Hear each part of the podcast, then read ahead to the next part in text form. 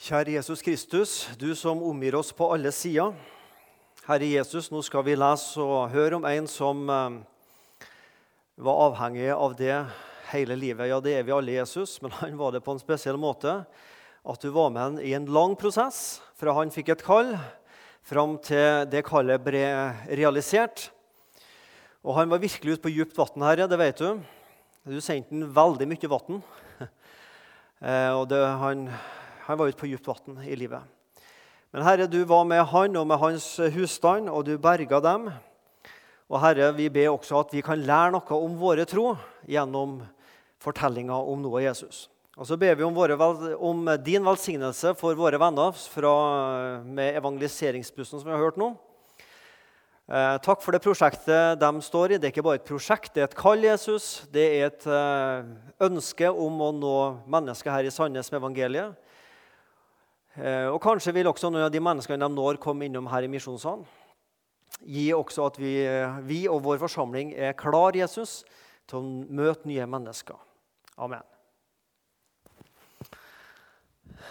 Et skip ligger tryggest i havnen. Men det var ikke der det var bygd for å være. Det var en setning jeg prøvde å innprente i meg sjøl og i dere da vi starta å snakke om dette med tro i januar. Da vi bestemte oss at denne våren så skal vi følge bibelske personer som inspirerer oss til tro. Så las vi hele kapittel 11 i Hebreerbrevet om disse trosheltene. Og så var det denne setningen som egentlig er Eh, som på en måte viser troa hos dem alle. De tora noe. De ville noe. De lot troa være mer enn bare en teori i hodet. Det ble et liv hos dem. De kunne også ha lagt sin livsbåt ved havna og levd behagelig og godt. Men det var ikke ved havna båten var ment å være. Her ser dere to mer eller mindre moderne skip. Nå skal det dukke opp en båt en annen gang for noen tusen år siden. Seiler inn fra venstre. Det er noe av Arken. Båten var litt større, for det var litt mer enn seks-sju dyrepar som fikk plass i den båten der. Den var atskillig større enn det der. Men i dag skal vi høre om salige Noah. Skal si litt om altså, den tida han levde i. Vi skal bli litt kjent med personen Noah, og vi skal prøve å spørre oss hva er det ved Noahs tro som kan inspirere en kristen som lever noen tusen år senere enn Noah. Noah og syndefloden. Ja, det kan vi lese mange plasser i, Matteus, altså i første Mosebok, kapittel 6-9. De eh, fire kapitlene der. Du kan lese om det i Matteus 24, der Jesus snakker om de siste tider. Og så drar han inn Noah Hebreerne 11,7 i dette troskapitlet. Og I 1. Peter 3 og i 2. Peter 2 så er Noah nevnt. Et lite resymé, og det skal bli lite. Jeg skal ikke bruke mye tid på det. Noah han er niende slektsledd etter Adam. Han hadde en forholdsvis kjent bestefar som heter Metusalem. Kunne nesten hete Metusen. Metusen-lem. Han ble jo eh, nesten 1000 år. 969 år. Jeg har tenkt på det så Metusalem 969 år, Noah 950 år, når de hadde slektstreff. du vet, Av og til ser du i lokalavisa det er bilder av fem generasjoner. Det er liksom fantastisk. Liten baby og ei ung mor. og Mora hennes er gjerne forholdsvis ung, og så ei bestemor og så ei oldemor. ikke sant? Og så hender av og til du får nesten tippoldemødre også. Det er voldsomt, det der. Men tenk på den tida. da. Jeg vet ikke hvor mange generasjoner de var samla, men de gikk jo i bursdager hele året. vet du, For de skulle i bursdag til hele slekta. Så jeg var nesten opptatt hele året med å gå i bursdager. Så mye store slekter var det. Ja, ikke vet jeg, Men i alle fall, Noah hadde tre sønner. Husker du hva de heter? Sem, Kam og Jafet. Sem, Kam og Jafet. Vi skal komme litt tilbake til dem. Noah ble 950 år. Han var 600 år da flommen kom. Nei, jeg er for gammel til dette her med evangeliseringsbussen. jeg vet ikke hva Noah tenkte. Jeg er for gammel, Gud. 600 år og begynner å, ja, Jeg var jo noen år før da han begynte å bygge på båten. men Han var noen år, 500 år da han begynte å bygge på båten. Nei, Jeg pensjonerer meg nå. Han var 600 år da flommen kom, og han levde i 350 år etter den tid. De var spreke den gangen. Samtida. Hva kjennetegna den samtida, eller den tida, som Noah levde i? Skal vi lese noen få, få bibelvers som sier litt om den, fra 1. Mosebok kapittel 6. Herren så at menneskenes ondskap var stor på jorden, og at alle tanker og hensikter i deres hjerter var onde hele dagen lang. Da angret Herren at han hadde skapt mennesket på jorden, og han var full av sorg i sitt hjerte. Og Herren sa, 'Jeg vil utrydde fra jorden menneskene som jeg har skapt,' 'både mennesker og fe og krypdyr og himmelens fugler,' 'og jeg angrer at jeg har skapt dem.' Men jorden var fordervet i Guds øyne. Den var full av vold. Og Gud så jorden, og se, den var fordervet. Alle mennesker hadde fordervet sin ferd på jorden. Da sa Gud til Noah, nå vil jeg gjøre ende på alt kjød, for de har fylt jorden med vold. Se, jeg vil ødelegge både dem og jorden. Onde hjerter, full av lovløshet, forderva pga. menneskets onde veier. Det var ei tid med åndelig villfarelse, forvillelse. Men det var ei tid som til alle tider. Og når Jesus i Matteus 24 og likens Markus og Lukas snakker om Noah-tida, så er det ikke først og fremst bare for å vise at det var så elendig. da. Men det var ei tid som alle tider. Folk gifta seg, de spiste, de drakk, de gifta seg. Og så skal enden komme. Midt i ei tid da folk lever sitt normale liv. Tida forteller oss ei tid der Gud er dommer. Gud angrer at han hadde skapt mennesket. Det står at han var full av sorg i sitt hjerte og at Gud sier 'Jeg vil utrydde fra jorden menneskene som jeg har skapt'. Men Gud har også nåde i hjertet sitt. Det står 'Noah fant nåde'. Gud vil berge mennesker. Litt om arken. Ja, som jeg sa, Det var ikke som den tegninga der. En 21 fots sjark. Nei, den var mye lenger, du. Eh, det står at den var 300 alen, og en alen Hvis da alen der er det som alen er i dag, så er det 45 cm. Så kort fortalt, arken var nesten 150 meter lang. Den var 50 meter brei, og den var 30 meter Nei, en gang til. 150 meter lang, 25 meter brei og 15 meter høy. Det var stort, det. Det tar nå tid å bygge en sånn båt. Det var en åpning rundt hele båten. Den var laga av noe som heter gofertre. Sypress. Det sier meg lite. Og Så står det at Noah skulle ta med seg ett par av alle dyr. Men det står også at han skulle ta med sju par av rene dyr. Vi er jo vant til å tenke han tok med ett par av alle dyr. Men så står det noe om de rene dyr. og Hva slags dyr det, var, det vet ikke jeg, men de skulle ta med sju par. Men muligens var det fordi at Noah skulle ofre når han kom ut. Og Han kunne ikke begynne å ofre hvis det var én av hver. Da var det slutt liksom med den arten. Så da måtte han ha sju par, så at han hadde noen å ofre av, av de rene dyr. Flommen og dommen. Det står det at når vannet var kommet, så står det så lukket Herren døren etter ham.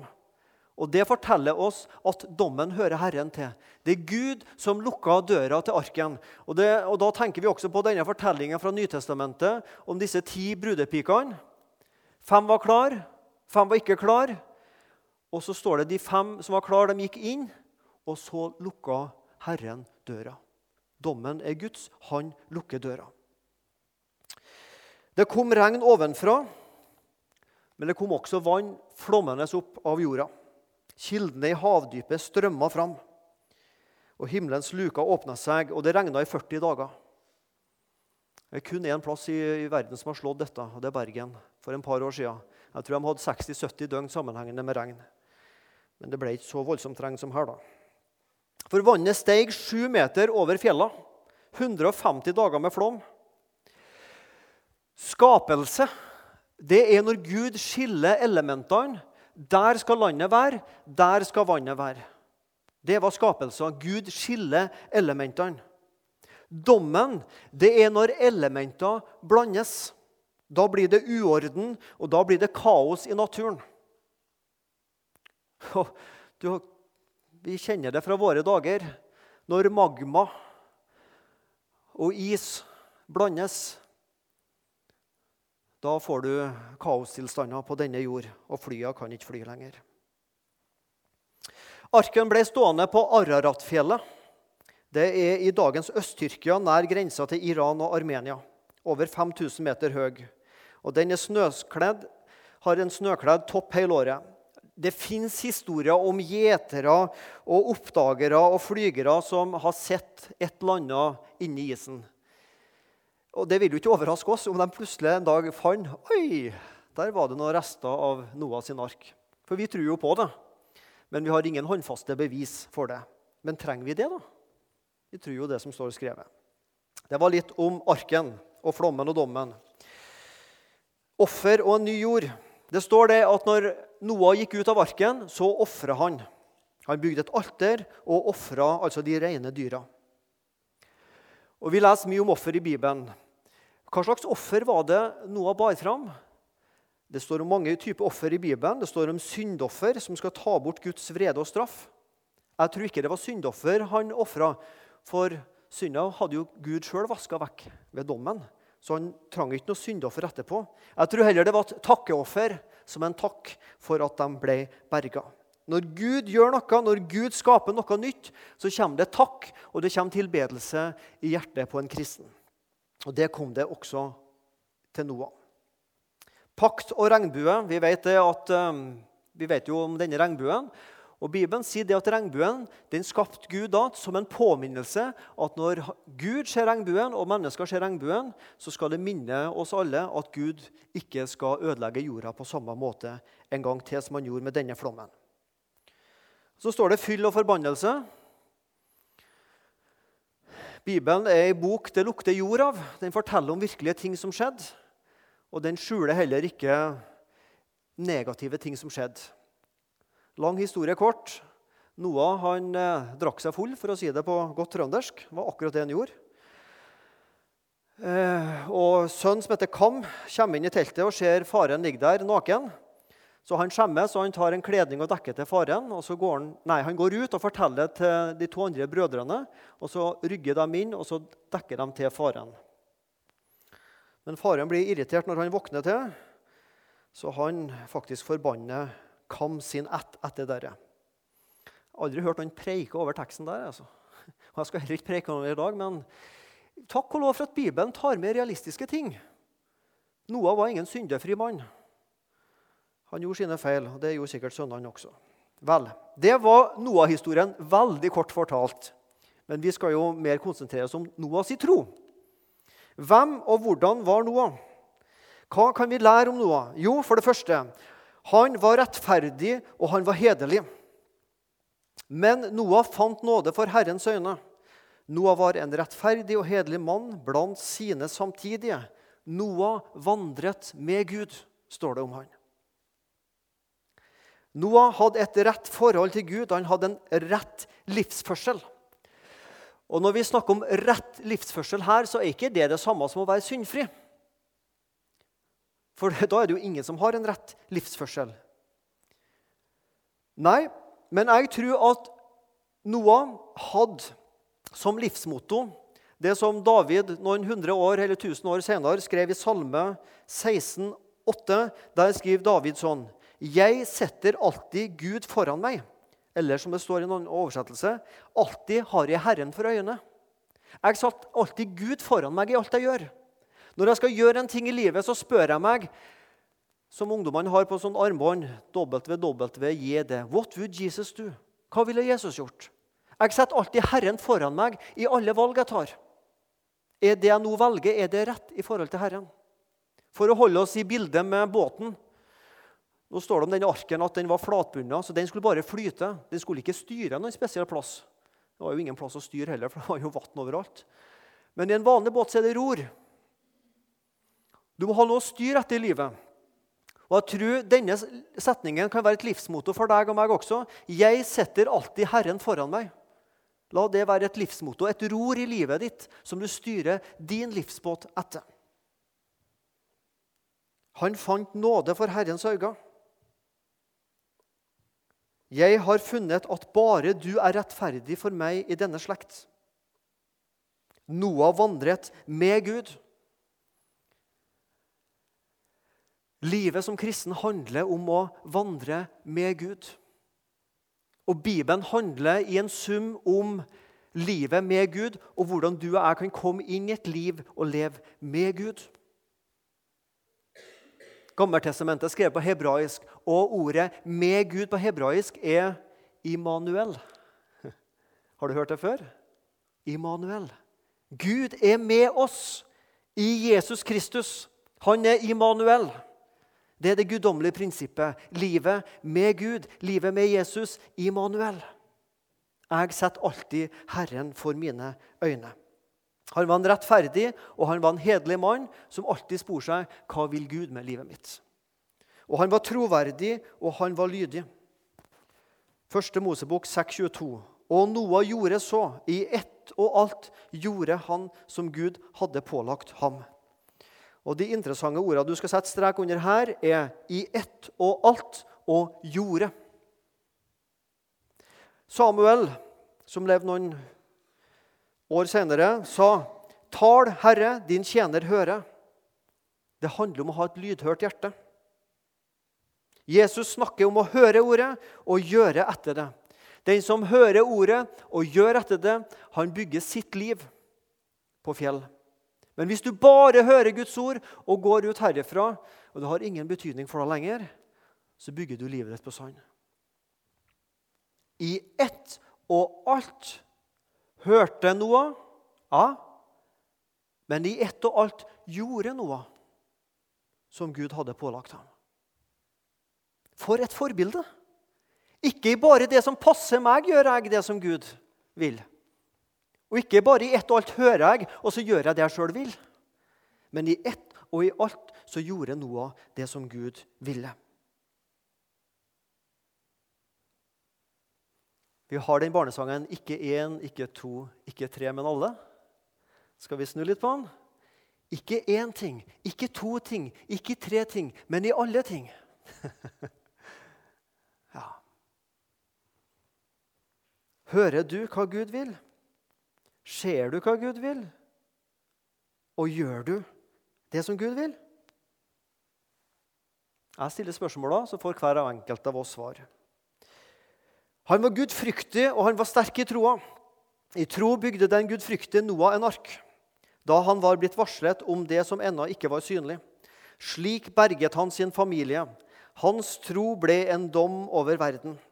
Og selv ble han arving til rettferdigheten som troen gir. Hebreerne 11,7. Og Ut fra det verset så skal vi spørre oss, og det er det vi skal bruke resten av denne talen til, og spørre oss hva kan du og hva kan jeg lære av Noah og syndeflodhistorien? Som har skjedd for mange tusen år siden. Hva kan vi lære, vi som lever 2000 år etter Kristus? Hva kan vi lære av Noah-historien?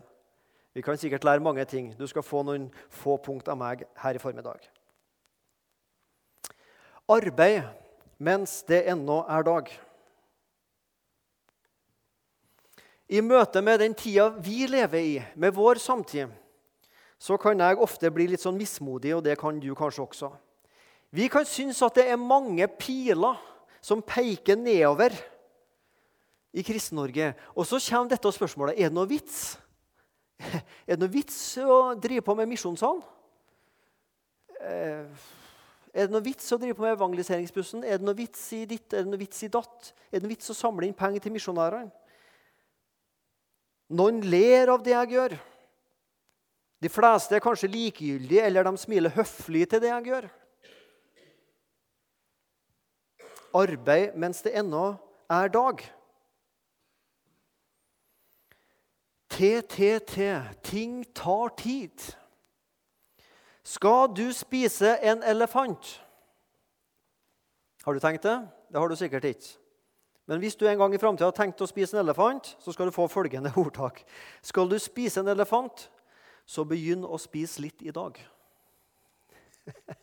Det tar tid å spise en elefant, men du må begynne i dag. Og så må du ta litt om gangen. Ting tar tid.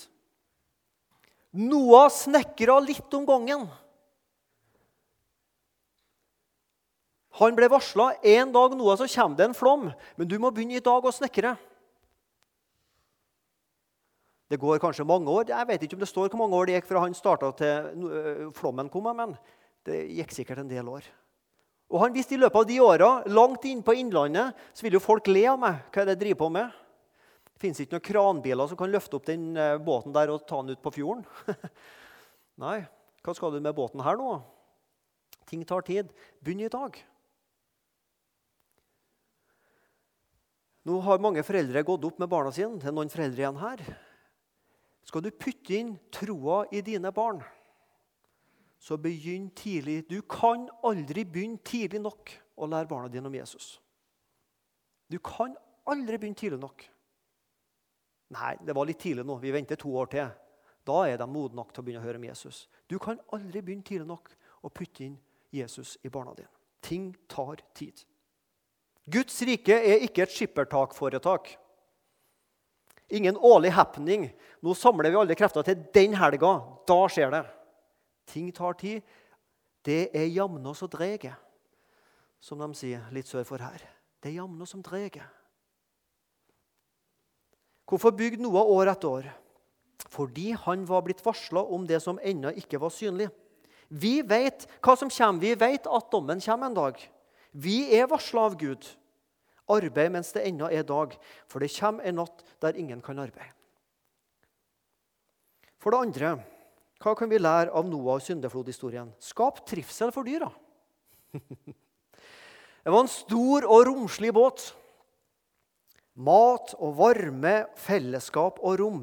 Ja, Det var bokstavelig talt et fargerikt fellesskap omkring i denne båten. Det var mange og det var ulike, ulike lyder og lukter i denne båten. Det er alle i ei forsamling sin oppgave, også min som leder, men alle i forsamlinga har en oppgave å skape trivsel for alle i forsamlinga. Jeg tror at det med trivsel er noe av det som gjør at folk fortsetter å gå i forsamling. Trivsel gjør at folk fortsetter å gå i forsamling. Rett lære pluss eller god forkynnelse og god trivsel gjør at folk blir. God forkynnelse og dårlig trivsel gjør at folk går et annet sted. Vi skal jobbe med forkynnelse og lære og alle disse tingene, så det kan være så rent og så godt som det bare må være. Og vi skal samtidig jobbe med trivselen, slik at folk føler her, kan, her vil jeg være. Trivsel det er mer enn kos og klem. Trivsel det handler om å bli sett og bli hørt.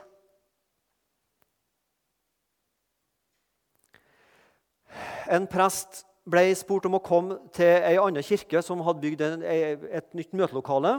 Og kan du komme hit og være med på innvielsen av denne kirka? Ja, jeg skal komme. Så han tok fly. Det var et stykke. Så ble flyet forsinka. Om det var aske og svovel som gjorde det, det vet jeg ikke, men flyet ble iallfall forsinka. Så det ble veldig travelt. Så måtte, møtet var begynt da han ankom kirka. Og så Han som var prest der, han nå må vi fort gjennom her. Og så inn i møtesalen. Møtet har begynt. Og På vei inn til møtesalen så gikk de gjennom eh, barnerommet.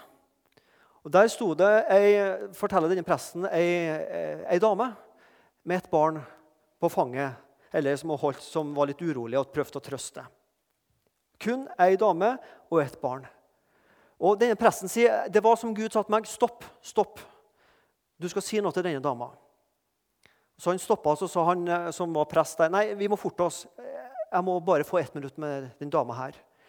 Og Så forteller denne presten at han sa til den dama at det er sikkert et offer for deg i dag når denne nye salen innvies, at du må være her med barn. Og, og så sånn og så sånn og sånn, Men du skal vite du gjør en stor innsats for denne kirka. Takk skal du ha. Og Så gikk han inn og gjorde sin uh, talt på den innvielsen av dette nye bygget. Så forteller han at på tur ut og hjem igjen så fikk han med seg en liten konvolutt fra denne dama. Han satte seg på flyet og åpna denne konvolutten. Og Han sa denne presten at da jeg hadde lest dette brevet Jeg var så sint. Jeg tok det som sto der, og knøvla det sammen og kasta det fra meg. For i det brevet jeg har ikke ordrett, men det sto et eller annet sånn Jeg har vært i barnearbeidet i denne menigheten i 20 år og tatt meg av andre foreldre sine barn. I 20 år har jeg drevet med denne jobben. Du er den første som sier takk til meg. Og han var så sint, presten fortalte han. Tenk. Det, det handler om å si takk, folkens. Og klappe hverandre på skuldrene. Så fint at du kom, så fint at du gjør denne tjenesten og oppgaven. Vi må gå rundt og vi må skape trivsel med å si takk til hverandre. Skap trivsel for dyra. Og som vi la oss om Noah og sønnene, alt var ikke fryd og gammen der heller. Og det er ikke sikkert alt det i misjonssalen heller. Men lærdommen må være hold ro og fred om småting. Og så får vi så godt vi kan prøve å tåle hverandre. For det tredje, pass på at det er vegger, dørk og tak i båten.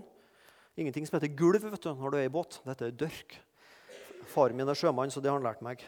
Vegger, dørk og tak. Det er viktig med takhøyde i kirka. Hvor mange har hørt det uttrykket? Det tror jeg de fleste av oss har hørt. Det er så veldig viktig med takhøyde i kirka.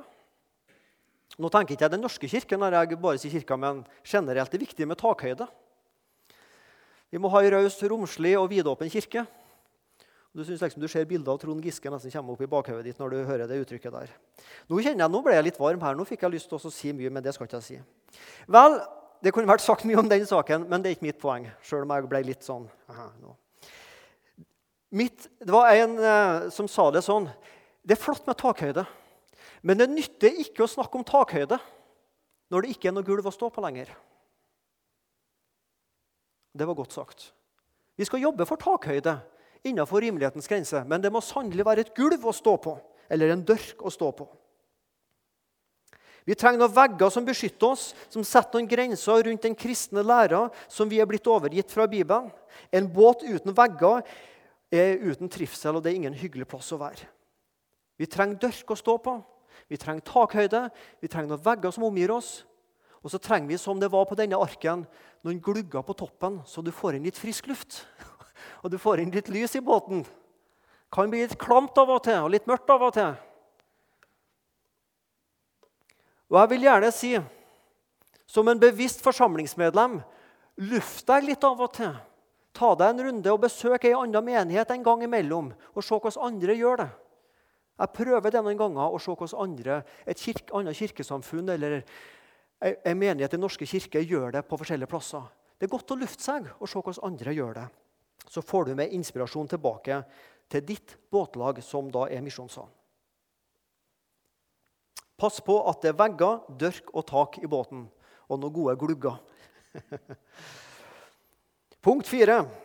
Hva kan vi lære om Noah? Lev i tro. I tro bygde den gudfryktige Noah en ark da han var blitt varslet om det som ennå ikke var synlig. Slik berget han sin familie, og Noahs tro ble en dom over verden. Og selv ble han arving til den rettferdighet som troen gir. Vi møter altså Noah i Hebreerbrevet 11 sammen med 16 andre troshelter fra Gamle testamentet. Troen har en begynnelse. Han ble varsla av Gud. Gud kommer og forteller noe som skal skje, og det skapes tro i Noah. Men troa har også sin hverdag. Den gudfryktige Noah. Han levde et gudfryktig liv i hverdagen. nå. Troa har en start, troa har en hverdag. Troa har et arbeid. Han bygde en ark. Han visste om dommen. Han satte seg ikke ned på rumpa og venta på at dommen skulle komme. Han bygde en ark. Troas arbeid. Og troa har ei lønn. Han ble berga, han frelste sin familie. Og han ble arving til rettferdigheten. Og troa har et resultat, en dom over verden. Lev i tro. Dommen kommer. Det fins ulike tegn i tida og naturen og kirka og Israel og mange ting som forteller oss når enden skal komme. Ingen kjenner dagen eller timen. Og Jesus sitt poeng i denne endetidstalen i Matteus 24 det er nettopp at hverdagen skal gå sin vante gang. De spiste, de drakk, og de giftet seg like til den dagen Noah gikk inn i arken. Slik skal det være når Jesus kommer igjen. Folk skal leve sine hverdagsliv. Og det skal vi. Som Luther sa, hvis jeg visste at Jesus kom igjen i morgen, så ville jeg ha planta et epletre i dag. For vi skal ikke sette oss ned og vente. Vi skal sette oss ned og lengte etter Jesus komme. Men det skal ikke bli en passiv venting. Vi skal arbeide, troens arbeid, fram til Jesus kommer igjen. Og de skjønte ingenting, står det i Mattes 24. De skjønte ingenting når dommen kom, noe av sin slekt. De fleste mennesker de bryr ikke seg om eller vet ikke om dommens dag.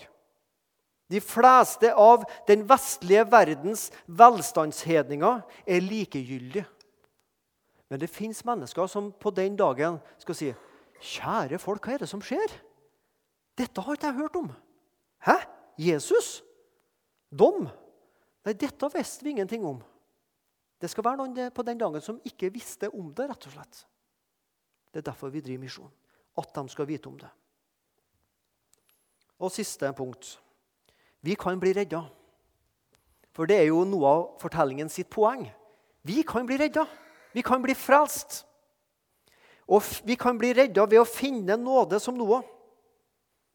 Vi kan finne Jesus, ja, det som større er. Vi kan bli funnet av Jesus. Nåden får jeg ved troa.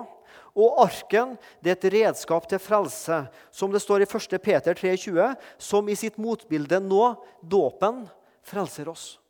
Så Derfor tror vi og bekjenner at vi blir frelst gjennom tro og gjennom dåp. Arbeid mens det ennå er dag. Det er dag ennå, folkens. Helt til Jesus kommer igjen, er det dag. Vi skal jobbe. Ting tar tid. Vær med å skape trivsel i de og vår forsamling. Si takk til hverandre. Pass på at det er vegger, at det er dørk, at det er tak i båten. Lev i tro i den bevisstheten at dommen kommer, men at du og jeg kan bli frelst, og flere kan bli frelst. Et skip ligger tryggest i havnen, men det var ikke der det ble bygd for å være.